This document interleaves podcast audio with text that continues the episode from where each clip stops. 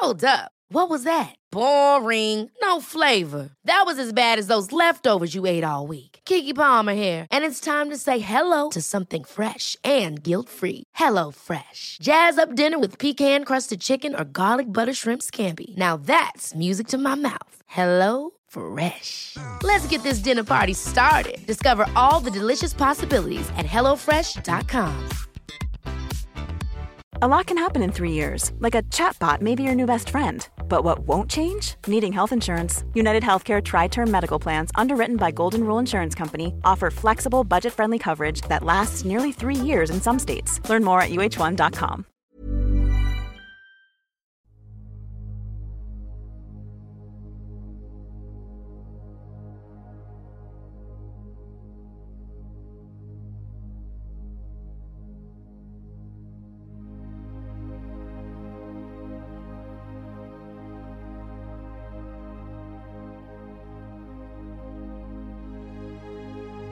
Ljus eller mörker gäller människor i den fysiska dimensionen och varelser i alla andra dimensioner. För att kunna se vad som är vad behöver vi människor vara öppna för både ljus och mörker. Det kräver mod och ett öppet sinne. Ljuset ger oss ljus, värme, kärlek, gemenskap, tillhörighet, vänskap och en massa vackra livsupplevelser. När vi talar om mörkret i podden så är det när vi människor upplever förvirring, kaos, hot, angrepp, manipulation, splittring som bidrar till att man känner sig ensam, isolerad och rädd.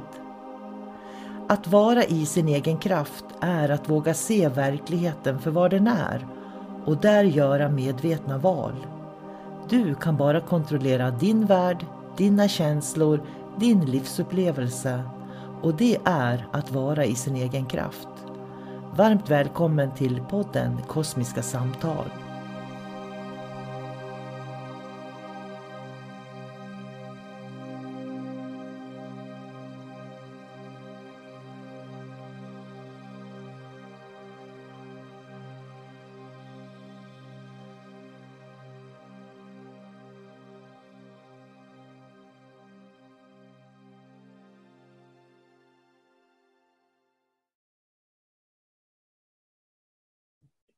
Hej och eh, varmt välkommen till Kosmiska samtal.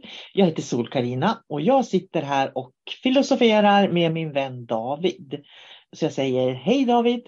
Hej hej sol karina eh, idag ska vi fortsätta att prata dimensionell kunskap och mediumskap och dimensioner och varelser och upplevelser av olika slag.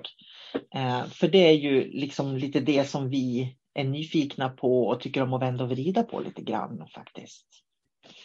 Har du varit med om något spännande på sista tiden tro?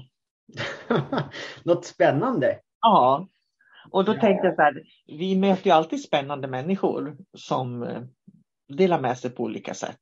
Ja, det är klart, man får ju mejl. Eh, mest är det ju människor som är intresserade i deras utveckling då, saker som, som, eh, som sker. De, de kan vara förvirrade när de möter eller när de förstår att det finns liksom entiteter som de inte trodde fanns. Mm. Ett mejl som jag fick för ett tag sedan, det var ju att eh, det var en som var på det klara med att det fanns änglar till exempel. Det hade ju hon lärt sig sedan barnsben, men eh, sen så började det öppna upp sig för andra olika typer av varelser och hur ska jag tänka nu? Eh, ska jag gå omkring och vara rädd för de här eller hur ska jag förhålla mig till den här nya verkligheten som jag, som jag börjar skapa mig nu? Så att eh, personlig utveckling är intressant tycker jag. Och det är intressant det där du säger änglar för att i den kristna traditionen där är det ju änglar vi pratar om. Det är Jesus och det är änglar och det är det fina och det mjuka och det goda och det vänliga. Men i, det finns liksom inte med Eh, den andra aspekten utan då är det Satan och djävulen och då, då bestämmer man sig istället för att man ska kategorisera vad man får göra och inte får göra för att då kommer djävulen fram. Liksom. Och för mig så skapar det där väldigt mycket eh, rädsla för det mörka och det farliga på något sätt. Ja, så är det ju. Men man kan ju se det så här att backa bandet 50 år och lite mer, då pratar man, då predikade man ju i, i kyrkorna om Satan och djävulen och demoner på ett sätt. Så, så då var det liksom, då spelade de med öppna kort. Ja, visst, det skapade ju rädsla, men människorna visste ju ändå att det fanns ljus och det fanns mörker. Nu så vet ju alla att det finns mörker, men alla tar på sig skygglappar och pratar bara om ljus. Mm. Så att det är liksom, eh, jag förstår ju när människor börjar öppna upp sig och upptäcker att det finns någonting mer än änglar. Någonting händer ju inom de människorna, för de har ju blivit programmerade att man ska aldrig tänka åt det hållet. Mm. Visst, de kanske har sett en och annan skräckfilm. De förstår på ett visst plan att det här existerar, men de sopar allting under mattan och när de väl möter det här så då blir det inre konflikter mm. i och med deras fostran också. Men det är intressant för att jag har fördjupat mig som jag ju alltid gör. Och det är ju så. Eh, jag kan ju mer idag mot vad jag kunde för två år sedan, mot vad jag kunde för fem år sedan och tio år sedan och tjugo år sedan och sådär. Men jag har fördjupat mig lite grann i buddhismen och en viss gren i buddhismen som jag tycker är jätteintressant. Och det som är så intressant är att det var ju i den typen av buddhism jag hamnade för väldigt många år sedan. Och idag kan jag förstå det, för det är den enda delen i buddhismen som pratar om olika dimensionella världar. Och där är ju då Shambhala det allra heligaste när du kommer in i templet. Liksom. Och det som är så intressant med den här traditionen, det, det är just det här att, eh, att det finns olika dimensionella nivåer som du måste lära känna för att komma djupare och djupare in tills du egentligen når Shambhala. Då. Och där kom, då är ju de här mörkare dimensionerna och, och jobbigare entiteterna, de är ju ytterst. Och så kommer du, ju närmare in du kommer, desto, desto eh, mer ljus och kan du uppleva då tills du kommer liksom till Shambhala som är verkligen ljus. Eller som är verkligen att vara i 100% balans om man säger så. Och det finns inte inom kristendomen, för kristendomen är polär. Det är änglar och det är djävlar. Det är liksom de två grejerna. Medans den här delen av buddhismen har fler nyanser, fler dimensioner. Och det tycker jag är, är jätteintressant, att det faktiskt finns traditioner som är flera tusen år gammal, gamla då, som pratar om det här. Men det kanske inte är lika vanligt i samhället och, och det är inte så lätt att förstå heller. Därför att eh, när man hör buddhism, då hör man bara återfödelse. Eh, ja, men, men sen är det intressant också det här att i många kulturer och säkert även inom eh, buddhismen också, din gren, så då har man förstått att det finns olika entiteter som har till olika dimensioner.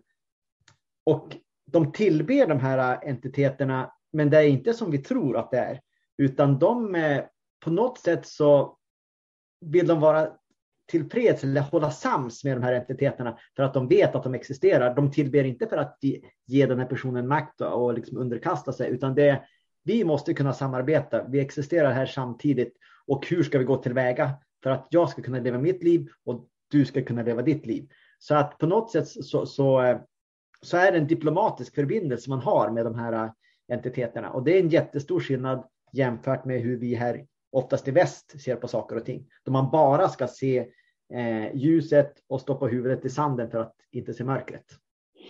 Och, och, då kommer man till det, det är därför jag säger att Shambhala är som ett eh, FN ungefär, där alla samlas. Och det är ju för att det är det här samförståndet, precis som du pratar om, det är det som finns. Man måste ha det, ett samförstånd, ett dimensionellt samförstånd och en förståelse för att kunna nå då till eh, den, här, den här innersta. Och grejen är att reiki härstammar från exakt den här traditionen. Och det tycker jag är jätteintressant. Men det är, det är en helt annan podd faktiskt. ja. så, så det jag tänker på det är liksom det här det spirituella andliga Sverige som jag kommer tillbaka till som där många saknar den här dimensionella förståelsen. Man är väldigt mycket i, i det här uh, kristna uh, ljus och mörker men utan nyanser på något vis. Och jag tänkte på uh, en kvinna som ett medium också i, i Sverige som är ganska känt som har sagt så här då att andar kommer, som kommer från människor ska man aldrig stoppa in i ljuset. Därför att de, det är oartigt och då, de har valt att kommunicera med oss. Så de får man inte hjälpa vidare in i ljuset. Och det här väcker en så här jätteförvirring hos mig. För, för det första så andar. Vad då andar? Hur vet hon då vad, om, om hon inte vet skillnad på, har den dimensionella kunskapen. Vad är det om det inte är en människoande? Vad är det då som hon vill stoppa in i ljuset? tänker jag. Ja, hon måste ju på något sätt kunna känna skillnad på människoandar och andra andar. Om vi byter ut andar mot andra ord, så då kan vi säga varelser helt enkelt. Så att det där är ytterst förvirrande. Och sen tänkte jag också så här, vad är grejen om man eh, liksom får hjälp eller Eh, någon ringer och säger kan du komma och städa mitt hus för det känns obehagligt här. Då är man väl dit ringd för att plocka bort allting som är obehagligt. Men om man då har en varelse där som skulle vara människa som ger obehagliga, eh, vad ska man säga, besvär. Ska man inte plocka bort den då? Eller vad, vad, jag vet inte, det var ytterst komplicerat det här i alla fall. Ja, väldigt förvirrat.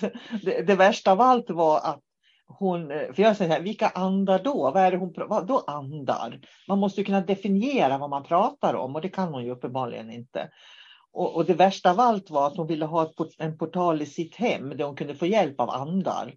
Och då, då tänkte jag, vad menar man med andar egentligen? Inte skulle jag vilja ha en portal i mitt hem där andla, andar kommer in. På sannesensutbildningen så lär jag människor hur de skapar en änglaportal där änglar kan komma in. Ja, det är specifikt, det är specificerat. Det är, det är en väldigt stor skillnad. Så jag sitter inte och önskar att jag har en änglaportal. Jag skapar en änglaportal. Hon sitter och önskar att hon hade en portal i sitt hem där andarna kan komma in. Och då tänker jag, vilka andar? Människoandarna hon inte vill vara oartig med. Eller vilka andar då? Ja men återigen, andar det, det känns ju lite, det kan ju vara hur många tolkningar som helst. Men säg en var, varelser, då betyder det okej, okay, jag vill skapa en portal i mitt hem som ska bestå av varelser. Och grattis, då får du ju eh, hemsökelse av demoner, det är lägre stående utomjordingar, ja men små troll, tomtar och alla som har en, liksom, en egen agenda som oftast är väldigt egoistisk. Mm. Och som inte, antagligen är en väldigt sällan någonting positivt för den här personen. Eh, en sån portal vill man ju sällan ha om man besitter en medvetenhet. Då siktar man ju högre. Det här blir ju på något vis min drivkraft att jobba med människor för att lära människor att kunna själva känna den här skillnaden. För kan man själv känna skillnaden, då vet jag ju vad jag ber om, vad jag vill ha för någonting. Och min erfarenhet när man känner skillnaden, det är att man plötsligt bara går på en väg. Det är allting man behöver kommer till en på något vis. Man behöver liksom inte tigga sig till saker. Men med den här okunskapen så får man liksom tigga sig till saker på något vis. Det blir en, en girighet i det, tycker jag. För, för det är lika om du tänker så här, då pratar man om dålig energi. Det är dålig energi. Ja, men vem bestämmer vad som är dålig energi? Är dålig energi samma sak för mig som för dig? Om vi nu har alla de här dimensionerna, hur kan jag säga att, att den dimensionen har en dålig energi? Eh, bara för att den inte passar mig. Varför går jag inte därifrån? Om jag inte gillar, jag tänker nu är det krig i Mali till exempel. I Mali det slåss en massa sådana här eh, inbördesgrupper med varann. Eh, det är ju för mig naturligtvis en dålig energi. Jag skulle inte åka dit för att de gör det. Men jag skulle ändå inte vilja benämna det som en dålig energi. Utan för mig blir det ju någon typ av okunskap som de lever i. Eh, de har ju inte balans. Och på samma vis är det ju med varelser i olika dimensioner. Om, man hamnar, om de hamnar i fel dimension eller har en, en lägre medvetenhet så de har ju inte en dålig energi för det. Utan det handlar om att de har inte kunskap på något sätt. Så tänker jag. Ja, men det är, det är ganska logiskt. Om man tar en, eh, för att göra det enkelt, en demon i nackskinnet och så släpper man in den i eh, sjunde dimensionen då skulle ju den naturligt vara oerhört malplacerad och uppfattas på ett visst sätt. Den skulle ju längta därifrån. Eh, så att då blir det de här kontrasterna, det här ljusa och så har man det här tunga. Men släpper man tillbaks den där i, tar man en, en, en, eh, ska man säga, en, en ljusvara så drar ner till det här tunga mörka så uppfattas den som extremt eh, hög och ljus och medvetande. Så att man kan ju laborera hur man vill med det här, men det blir ju alltid så i slutändan att det beror ju på vad man jämför med. Det är ju så.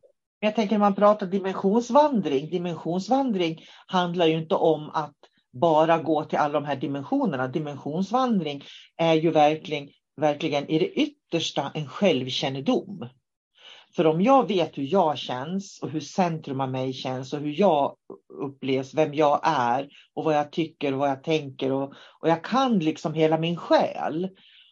Då, då vad heter det, vad skulle jag säga nu då? Eh, vad var det vi pratade om? Jag tappade. Jag tappade. ja, men, ja, men det, det, handlar ju på något sätt om att när du eh, vet hur du känns, hur du liksom... Ja, den här personliga kraften. Ja, ja när du har en, en eh, entitet från en viss specifik dimension runt omkring dig, så då lär du dig hur du påverkas av den varelsen, hur du påverkas av den frekvensen. Och av det så kan du avgöra att ja, men det här är en varelse som kommer från den dimensionen, det är en sån, typ av varelse, jag har den erfarenheten. Mm. Så att det, det, handlar ju, man ska alltid utgå från sig själv. Det är det absolut viktigaste när man vandrar i dimensioner. Ja, och det är ju det som många inte förstår, utan de tror liksom att det handlar om att bara springa omkring i olika dimensioner och möta varelser. Det handlar ju om att, att jag ska kunna vara den jag är. Och när jag möter saker i livet i olika dimensioner, då, då vet jag att det här är inte jag. Det är liksom steg ett. Och jag tänker på, jag fick en bild, en sån här liknelse, för att dimensionsvandra, det är ungefär som att ha ett höghus. Och låt säga att, att alla dörrarna i det här höghuset på åtta våningar är öppna. Så du kan gå in i varje lägenhet och så kan du uppleva varje, alla liksom den energin som finns hos alla människor som bor i varje lägenhet. Det är verkligen att vandra i dimensioner. Men sen går du tillbaks till din egen lägenhet. Du kommer det, till själv. Det är intressant, men sen eftersom du har varit i alla de här äh, planen. Så om du sitter i din äh, lägenhet och så vet du att ja, men på femte våningen så bor det en riktigt grinig gubbe. Eh, och då vet du när den där gubben närmar sig, eh, går i trapphuset utanför, så kan du höra hur den där gubben liksom hasar och gormar och är irriterad. Då känner du att ah, nu är den griniga gubben från våning fem här. Mm. Och det är på exakt samma sätt som man kan känna till exempel demoner. Nu pratar vi om demoner för att man ska göra det enkelt. Mm. Man känner innan demonerna kommer in så känner man den där frekvensen. Ah, det känns obehagligt, det är lite murrigt, det är kanske lite kallt. Nah, nu är den här griniga gubben här igen. Han kom snart hit, hit. jag känner det på mig. Och det är liksom, då har man fått en förnimmelse liksom, från vad som är på väg att halka in i ens egen dimension. Och alla kan ju göra det här. Det är bara att utgå från mig vem är jag? Hur känns jag? Och hur känns det när den här griniga gubben är på väg i mig? Men jag tror att när man är nybörjare så kan man behöva någon som följer med en eh, faktiskt när man går till de här olika rummen och upplever, om man nu ska ta det som exempel då. För att, att gå själv, eh, jag tänker på om, om du inte vet, det är där du får den här grunden i att lära dig lätt och tung energi. Att det finns ingen dålig energi, det finns lätt och tung energi. Och därför så, så kan man inte definiera en upplevelse eller energi som någonting negativt eller dåligt egentligen. Utan det är energi som har en viss upplevelse som man kan uppleva. Och jag tror att den här dimensionella kunskapen ökar hos människor när man slutar definiera någonting som dåligt. För någonting som är dåligt, det är rutten mat. Någonting som är dåligt, det, det är liksom en seriemördare om man säger så. Det är dåligt. Men det är ju inte dåligt för seriemördaren. Han får ju ut någonting av det. Ja, och den dåliga maten är ju egentligen, om man nu ska hårdra det, precis som du säger, så, så kanske den är bra för grisarna då. Eller för jorden som kan återanvända den. Men, men just det här hur vi definierar saker inför oss själva. Det, jag, jag tror att det är väldigt viktigt så att vi inte för när vi kallar någonting dåligt eller negativt så stänger vi så mycket möjligheter att känna in dimensionellt. Ja, det skapas ju begränsningar när, när vi börjar definiera. Eh, och när vi definierar så börjar vi också skapa oss olika identiteter. Ja, men jag, jag tycker inte om det där för att jag är en sån här människa. Så börjar man ta avstånd och liksom, man går in i sin identitet, går in i sitt lilla, eh, vi pratar om den här stora åttervåningshuset och så börjar man låsa alla dörrar och så ska, det, ska man bara ha tillgång till ett plan, bara mig. Mm. Och då tappar man ju liksom helhetstänket. Mm. Så det är, det är viktigt att och det, det sa vi en tidigare på det också, att kunna ha kvar det filosofiska tänkandet. Mm. Eh, för det innebär att man är fri från begränsningar också. Jag, jag tänker liksom hela den här spirituella andliga världen är ju egentligen en påminnelse till oss att vi är inte ensamma. Och sen behöver vi på något vis utforska vilka fler som finns tillsammans med oss i verkligheten. Det är ju det som är den här Eh, kalla chakra då, eh, där du liksom lär känna dimension för dimension för dimension för dimension för dimension för att komma till den här kärnan. Och grejen är inom den buddhistiska grenen som jag pratar om, de gör det här en gång om året, varje år för att påminna sig själv. Så att du kan liksom inte gå igenom den här åtta, här åttavåningshuset en gång och tycka att du kan det, utan det är någonting du måste leva med hela tiden, att hålla det levande och öva upp också. Ja, jag, jag fick en bild i mitt huvud nu. Det är som en klassisk bild när, när eh, någon ska råna någon butik eller någonting och så har de en stor vakthund utanför. Då har skurken med sig liksom en köttbit och kastar till hundarna så att mm. de ska hålla sig sysselsatta. Och på något sätt är det så att man ska lära sig att navigera, till exempel om du pratar om demoner, man ska lära sig att navigera förbi demoner. Man ska inte liksom möta dem eller konfrontera dem utan okej, okay, här finns det demoner, jag går igenom det här huset, jag vet att de finns där, men då kan jag bete mig på det här sättet. Eh, då kommer jag kunna passera förbi dem och så går jag till nästa varelse. Hur gör jag för att kunna hantera den här i mitt liv? Man vill inte skapa konfrontation, man vill inte reta upp, utan man lär sig hur de fungerar och bemästrar liksom konsten att, att vara diplomat mm. med alla varelser i dimensionerna. Det tror jag är viktigt. Jag tänker på det vi har skrivit i den här UFO-boken som kommer. Eh, när den, den kommer ju att komma nu under första kvartalet 2023. Där vi har pratat om fas 1, fas 2 fas 3 alien till exempel. Jag tycker att det är en väldigt viktig kunskap som förmedlas där. Just att man ska förstå skillnaden när man behöver slänga ut den här köttbiten till blodhunden som sitter utanför affären och när, när det faktiskt sitter ett litet barn och vinkar åt den. För det är ju mm. skillnad. Så att man, man, behöver liksom lära sig den här energiskillnaden. Och för mig att kunna den här energiskillnaden, det är att, att jag kan tolka mina bilder, jag kan tolka mina känslor, jag kan tolka de intryck som jag upplever. För kan inte jag det, då har inte jag kontroll på mitt energisystem. Jag vet inte vem jag är och då kommer jag inte att kunna tolka omgivningen heller.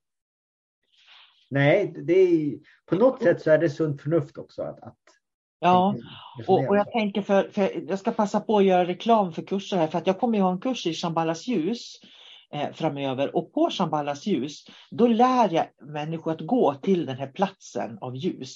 Det var ju dit du kom när du gick Sannesens för mig för många, många år sedan då. Mm. Men, men, det som är grejen där, att jag tar med dem för att möta en ljus... How would you like to look five years younger? In a clinical study, people that had volume added with Juvederm Voluma XC in the cheeks perceived themselves as looking five years younger at six months after treatment. Look younger, feel like you. Add volume for lift and contour in the cheeks with Juvederm Voluma XC. Reverse signs of aging by adding volume to smooth laugh lines with Juvederm Volure XC. For important safety information and to find a licensed specialist, visit juvederm.com. That's J U V E D E R M.com. Not for people with severe allergic reactions, allergies to lidocaine, or the proteins used in Juvederm. Common side effects include injection site redness, swelling, pain, tenderness, firmness, lumps, bumps, bruising, discoloration, or itching. There's a risk of unintentional injection into a blood vessel, which can cause vision abnormalities, blindness, stroke, temporary scabs, or scarring. Talk to a licensed specialist to find out if it's right for you. Hold up. What was that? Boring. No flavor. That was as bad as those leftovers you ate all week. Kiki Palmer here, and it's time to say hello to something fresh and guilt-free. Hello Fresh. Jazz up dinner with pecan-crusted chicken or garlic butter shrimp scampi. Now that's music to my mouth. Hello Fresh. Let's get this dinner party started. Discover all the delicious possibilities at hellofresh.com. When you're ready to pop the question, the last thing you want to do is second guess the ring. At Bluenile.com, you can design a one of a kind ring with the ease and convenience of shopping online. Choose your diamond and setting. When you find the one, you'll get it delivered right to your door. Go to Bluenile.com and use promo code LISTEN to get $50 off your purchase of $500 or more. That's code LISTEN at Bluenile.com for $50 off your purchase. Bluenile.com code LISTEN. Mom deserves the best, and there's no better place to shop for Mother's Day than Whole Foods Market. They're your destination for unbeatable savings, from premium gifts to show-stopping flowers and irresistible desserts. Start by saving 33% with Prime on all body care and candles. Then get a 15-stem bunch of tulips for just $9.99 each with Prime. Round out Mom's menu with festive rosé, irresistible berry chantilly cake, and more special treats. Come celebrate Mother's Day at Whole Foods Market. Varelse som är fas 3 som vi har skrivit om i boken. Och när man möter de här ljusvarelserna, det är inte kanaliseringar. Så när människor får möta dem under kursen så tar jag med dem in i ett rum, de får sätta sig i en bänk och så kommer den här guiden som jag kallar för Sean då och ställer sig där framme och undervisar själv.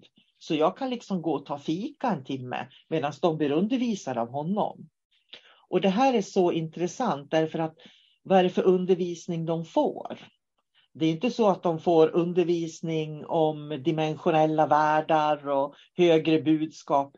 De får undervisning om saker de behöver se i sitt eget liv för att kunna höja sina vibrationer, lära känna sig själv mer, mer och, och liksom eh, expandera sin medvetenhet.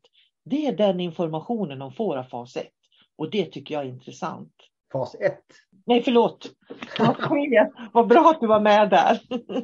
Jag hade en tanke för jag skulle säga att fas 1 då, de vill ju tala om för oss vilka vi ska vara, vilka vi ska minnas och hur det är. Liksom. Ja, i en del av manipulation så ja, precis. fas 1 på det sättet.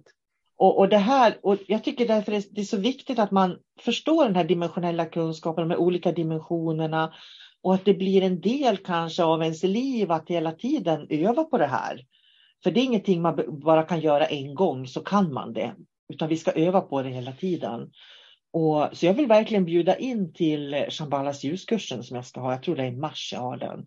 För det är en fantastisk resa att få möta Sean, alltså få möta den här ljusvarelsen som talar om för en. Man kan kommunicera direkt med den. Människor efteråt, de liksom kan inte fatta att det är sant. Och när jag fick kontakt med Jean då, och det har ju att göra med min, mitt djupa intresse för Shamballa då. Och när jag fick kontakt med honom, då sa han ju till mig, du ska skapa en kurs och sen ska du ta med människor och lära dem det här, alltså gå till Shamballa då. Och sen ska, ska du ta in dem till det här rummet så ska de få träffa mig också, så ska jag undervisa dem. Och jag, och jag liksom till honom, ska du undervisa, ska inte jag kanalisera eller förmedla? Nej, jag pratar med dem direkt själv, säger han. Så att det, och det är liksom dit jag vill att vi ska komma, alla. Vi ska inte behöva en Solkarina som förmedlar informationen, vi ska kunna hämta den själva. Och när vi vet hur, hur man gör när man dimensionsvandrar och när man förstår den dimensionella kunskapen, då kan man hämta informationen där den finns i den dimensionen. Ja, det blir ett sätt att navigera helt enkelt. Ja, och det är, lite, det är ungefär som att ha ett levande lexikon runt sig. Alla dimensionerna finns runt sig, för vi kan inte ha all kunskap hela tiden eh, liksom närvarande. För det sa du också i någon annan podd, då skulle vi, vi kan inte bli upplysta med en fysisk kropp. Men vi kan ändå få tillgång till kunskap fast vi är i en fysisk kropp. Och det är någonting helt annat. Ja, och var det i den här podden som vi pratade om en lärare som, som önskade en portal i sitt hem? Det vet jag inte. Jag tror det. Men ja, alltså, det, det, var den här podden. Vi ja, den här podden, precis. Ja, precis. För nu vill jag knyta upp säcken och säga att om man nu ska start, eh, öppna en portal så då kan man ju välja att ha en portal som sprider eh, Shambhalas ljus i sitt hem. Eller fas 3 ljus i sitt hem. Men om man bara ospecificerat säger jag vill ha en portal i mitt hem där det kan komma varelser igenom.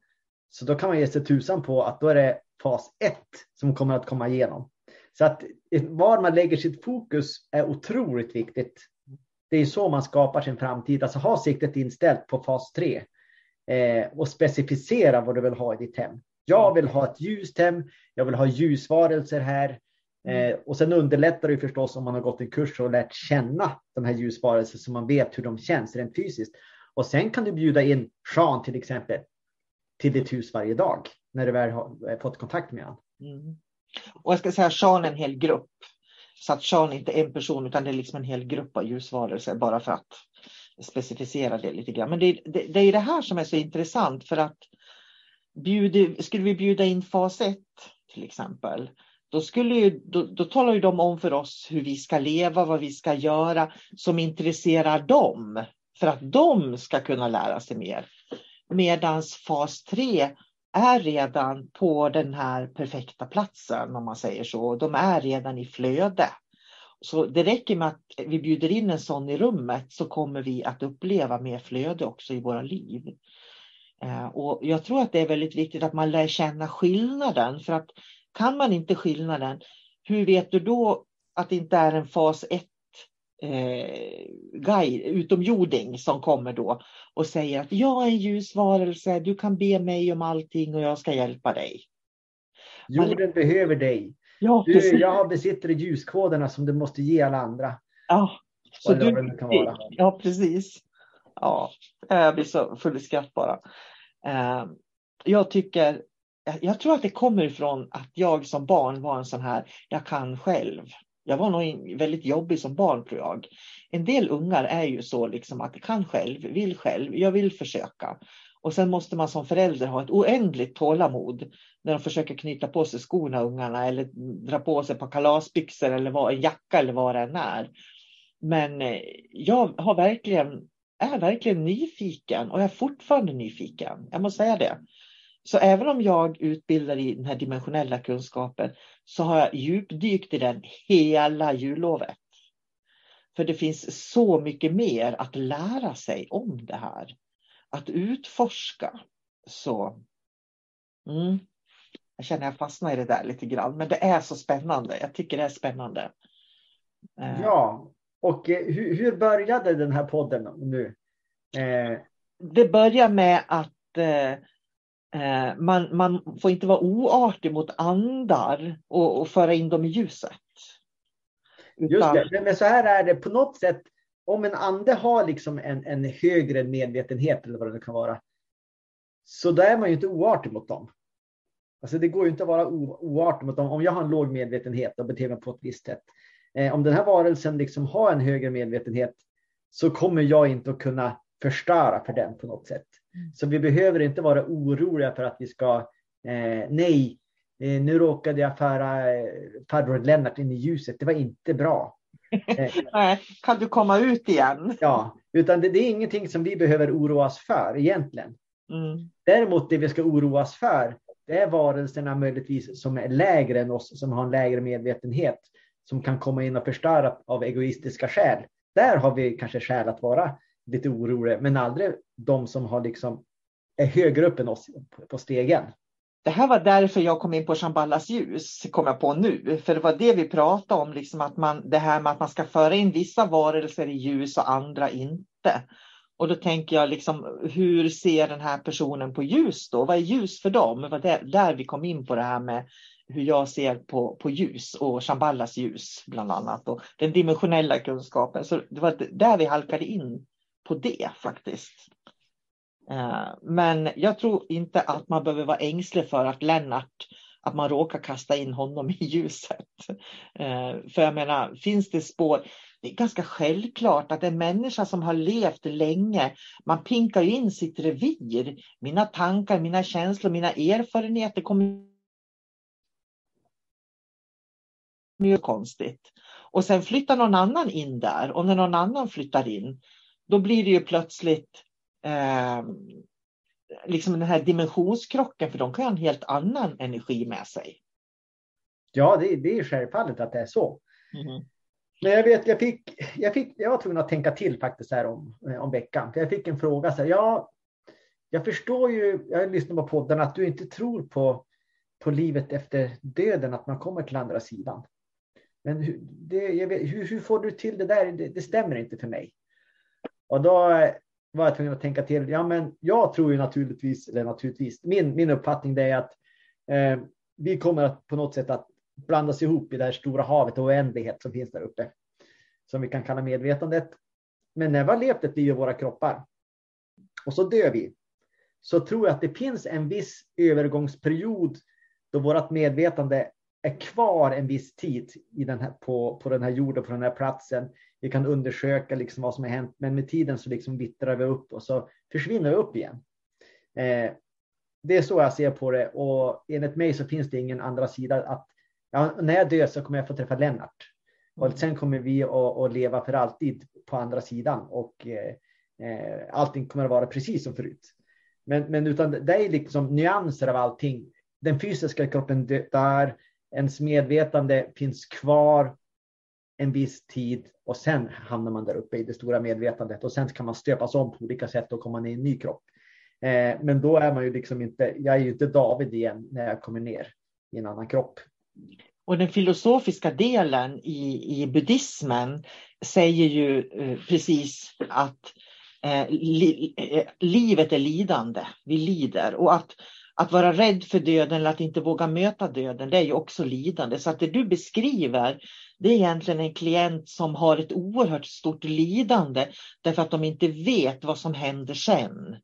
Så att hela livet kan ibland fokuseras på vad det är som kommer att hända sen. Och det som händer då är att man glömmer att njuta livet här och nu. Därför att vad som händer sen är egentligen oviktigt, egentligen. Det, ja. Men om jag fortsätter att oroa mig för vad som händer sen, då kommer jag göra hela mitt liv till det lidande och då kommer jag aldrig att uppleva att jag är lycklig och nöjd. För även om vi spekulerar som du gjorde nu, du hade en teori om vad som händer och jag har en liknande teori, så vet ju inte vi. Egentligen vet vi inte. Utan det är teorier, vad vi tror och hur vi tror. Men det jag kan konstatera det är att tron på eh, liksom vad som händer efter döden i min verklighet så skapar det väldigt mycket lidande för människor av någon anledning. Ja, men jag, jag, kan ju eh, berätta om min kollega. Jag tror att det har dragit ganska många kollegahistorier genom åren. Eh, men hon i alla fall, hon är väl kanske 50 nu. Eh, hon pratar alltid om att det var bättre förr. Och eh, det bästa var ju när hon var i tioårsåldern på 80-talet. Okej, okay och hon längtade alltid tillbaks dit. Och hon ville att eh, hon ville helt enkelt backa bandet. Hon pratade bara om vad, vilka saker hon hade i på sitt flickrum och hon pratade om sin brorsa och hon pratade om sin mamma och sin pappa och sin mormor och sin morfar och allting var bättre för. Och då tänker man, men varför lever du inte nu då? Du måste ändå leva nu och försöka för om man all vaken tid ägnar sin tanke på hur det var på 80-talet, då kan man ju inte leva nuet här. Och sen sa hon någon gång till mig också, David, vad tror du om händer när man dör? Ja, sa jag jag ville ju liksom inte gå så djupt in i det här ämnet med mina kollegor på jobbet, för jag ska vara professionell där. Så jag sa bara det att ja, men på ett eller annat sätt så tror jag att vi lever vidare, men eh, jag tror ju inte att vi liksom kommer att, att, träffa våra nära och kära igen på samma sätt som, som i det här livet, utan det blir en annan form, sa jag. Det blir mer kanske en medvetande form eller energiform. Då sa nej du, jag tror att jag kommer att träffa alla precis, precis som på 80-talet så, så, så kommer jag träffa alla igen. Och då, då såg jag en bild i mitt huvud att hon trodde att när hon dog skulle hon bli tio år gammal och sitta på sitt flickrum och allting skulle vara som det alltid har varit. Så och det jag menar. i det där limbot. Ja, och det är det där som är lidandet. Och, och det där, när du pratar om det här att, att vi inte går vidare direkt, de som kan acceptera döden, de går vidare. De som inte kan acceptera döden, det är ju de här som tror precis så som hon. Därför att det, det är ju memory lane och där har du den astrala energin, det är där du har minnesenergin. Så hon, hon riskerar ju faktiskt att eh, fastna i det man kallar återfödelsen då, därför att hon tror på den. Eh, och, och, det här är så tragiskt därför att hon lever hela, eller han, vem det nu var, lever hela livet med att när det var bättre förr så lider man för att man inte har det lika bra nu. Och där har du den buddhistiska tanken att eh, eh, livet är lidande. Och att en del, meningen med livet är att befria sig från lidandet. Så skulle hon, han börja acceptera där den personen befinner sig idag och se vad kan jag göra för att vara nöjd precis just nu där jag är. Utan att dra iväg med tanken framåt eller bakåt. Då skulle de få lugn och då lider de inte. Nej, så det här skapar ju oerhörda begränsningar i, i hennes liv, för det, det är en hon. Mm. Eh, och det är, det är beklämmande men ändå lärorikt att observera, för jag observerar ju hela min omgivning. Mm. Att se hur det är. Och jag har ju sett bilder framför mig, liksom hur om vi, om vi nu ska prata om spöken till exempel. Hon skulle kunna bli ett klassiskt spöke och hennes energi är ju redan nu så kan ju hon programmera olika omgivningar så att andra kan uppfatta eh, de här känslorna. Eh, så redan nu så, så, spökar hon före sin död på energinivå. För det är så starkt programmerat. Hon programmerar eh, platsen hon bor på, omgivningen. Det finns en viss känsla, aura kring det hela. Så att det är precis som att det är ett förstadie till, till spökeri, om man säger så. Och hon blir ju också en magnet för de vibrationerna. Så att de vibrationer, alltså sättet som vi tror och hur vi ser på världen blir ju på något vis den energi som vi sänder ut och kommer att attrahera också. Så där har man ju den här attraktionslagen, den fungerar ju faktiskt på det sättet.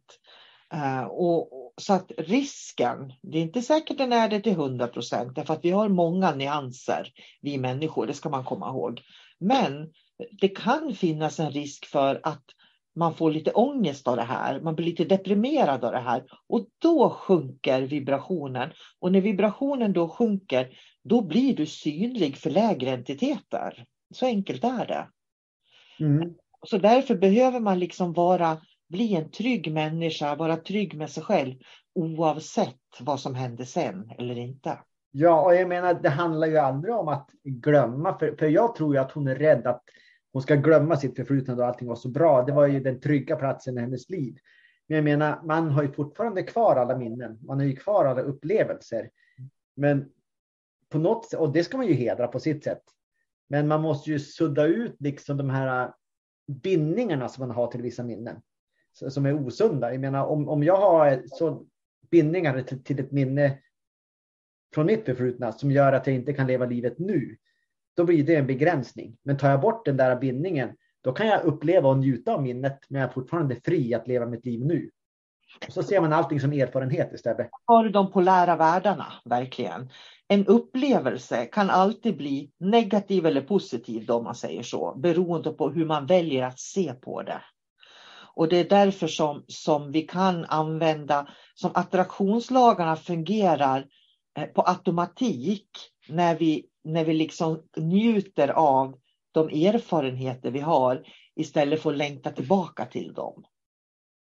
Ja, och sen ska man tänka så här också, om vi nu använder min kollega som exempel. Det, hon använder otroligt mycket mental energi också. Hon, hon analyserar och tänker och minns bilder och hur rummet såg ut och olika relationer. Så hon attraherar ju liksom genom den här mentala energin också. Men om man ska attrahera genom hjärtat, hemligheten är det att om man lever genom hjärtat så hjärtat vet vad man behöver. För då har man kontakt med sitt högre medvetande. Så då går man sin väg, man är liksom nöjd och allting känns bra. Så då börjar hjärtat attrahera det man behöver i sin, på sin mm. väg. Eh, så jag behöver alltså inte sitta ner och tänka att ja, jag vill ha en Porsche, jag vill ha ett stort hus. Eh, det kommer aldrig hjärtat att ge mig, det kan bara hjärnan ge dig. Mm. Men hjärtat kommer att ge dig det som du faktiskt verkligen behöver. Dina beståndsdelar på den här resan som du har på jorden. Det mm. kommer hjärtat att ge dig om du kommer i kontakt med det. För det som händer i henne då, eh, välsigna henne måste jag säga också, eftersom vi har henne som, som hon är en bra förebild att prata om då. Men amygdala skickar ju ut den här, det här flyktbeteendet hos oss. Så att vi får ju liksom en hor hormonspruta i kroppen varje gång som vi känner liksom att det är inte lika bra som det var på 80-talet. Oj, oj, oj. Och så sprutar det ut såna här stresshormoner i kroppen. Och det här skapar ju då eh, levnadsbanor i vår mentala hjärna som vi börjar leva efter. Och det är ju, så, så vad hon behöver egentligen, så behöver hon liksom förstå på något vis att eh, eh, livet är inte farligt. Därför att hon går ju på överlevnadsinstinkt. Så länge hon längtar bakåt så går hon på överlevnadsinstinkt. Hon lever inte. Därför att det är bara genom hjärtat du kan leva. Mm. Och en liten intressant sak som jag faktiskt aldrig har tänkt på förut, men jag har fått svar på det nu. Det är att jag jobbar på, på ett jobb där det kan komma in ganska mycket överblivna grejer som, som hushåll och folk eh, kastar bort. Att hon, så fort det dyker upp nallar och såna här små gulliga saker och leksaker, då ska hon spara på dem. Man ska lägga undan dem. Hon ska inte ta hem dem, men hon, hon kan inte kasta bort dem. Hon måste ha oändligt mycket nallar som ligger över hela arbetsplatsen och skräpar. Och det är också där att ja, men naturligtvis så måste det vara kopplat emotionellt till hennes barndom. Eh, och det, är ju, det, det fanns någon trygghet antagligen då som hon saknar nu. Så nu, nu vart jag tydligen psykolog här. Nu. Jag tänkte på det också, nu har vi blivit utredare till och ja. med. Nej, men så, så, och vi det, utreda henne mer, men det är bara intressant för jag tror att många kan känna igen sig i det här. För det är ju minnesenergin och det jag kallar memory lane som man lever i. Ja. Så egentligen en vuxen person, det de gör när de kommer från sin trygghet de har haft, för då antagligen så, så har hon haft en trygg, som jag förstår en trygg uppväxt. Eh, man, en människa kommer från en trygg miljö Sen kommer de ut på hal is när de blir vuxna. Då, Oj, nu ska jag styra allting själv. Då har man ett val. Antingen så tar jag på mig mina dubbskor eller skridskor och så sätter jag ett mål och så lär jag mig att bemästra isen. Eh, eller också så väljer man att liksom krypa på alla fyra och försöka gå tillbaks mot det som har varit förut. Mm. Så att det, det liksom, man måste välja där. Mm. Och de flesta tror att man liksom, eh, om man väljer att sitt eget liv, man ska gå framåt och utvecklas, så att man då väljer bort det förflutna. Mm. Men så enkelt är det ju inte, utan man kan ju faktiskt i det här fallet ha allting kvar. Man kan ta det bästa av världar. Mm. Och vi ska runda av där, för vi har pratat nästan 40 minuter, så det har varit ett väldigt långt samtal den här gången. Oj. Men jag tänker så här, jag ska göra lite reklam först, för att vill man lära sig det här förhållningssättet som vi jobbar efter, så är man välkommen, för jag startar ju upp den esoteriska utbildningen varje år.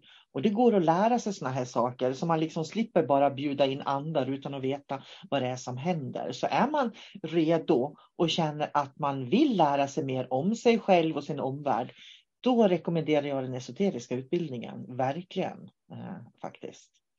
Och är det så att man behöver hjälp med behandlingar av olika slag så är, eller samtal då, så erbjuder vi ju det också, båda två då. Uh, ibland så kan det vara eh, inte helt fel att ta ett andligt samtal faktiskt för att uh, liksom reda ut såna här tankar som man har själv. Det, det är min erfarenhet att ibland behöver människor det. Och då är det bara att de hör av sig till oss faktiskt. Med det ska vi avsluta den här podden. Den blev lång, men den var intressant. Vi hann ta in väldigt många ämnen i den tycker jag. Så jag tackar dig David för idag och de som lyssnar tackar jag så mycket. Mm. Tack själv och ha det så bra. Mm, du också. Hej då! Hej då!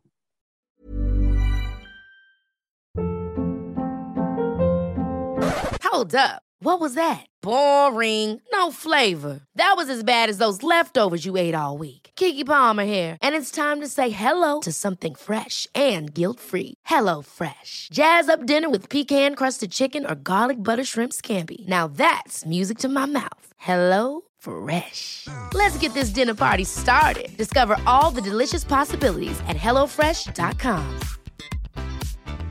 Mom deserves the best, and there's no better place to shop for Mother's Day than Whole Foods Market. They're your destination for unbeatable savings, from premium gifts to show-stopping flowers and irresistible desserts. Start by saving 33% with Prime on all body care and candles. Then get a 15-stem bunch of tulips for just $9.99 each with Prime. Round out Mom's menu with festive rosé, irresistible berry chantilly cake, and more special treats. Come celebrate Mother's Day at Whole Foods Market.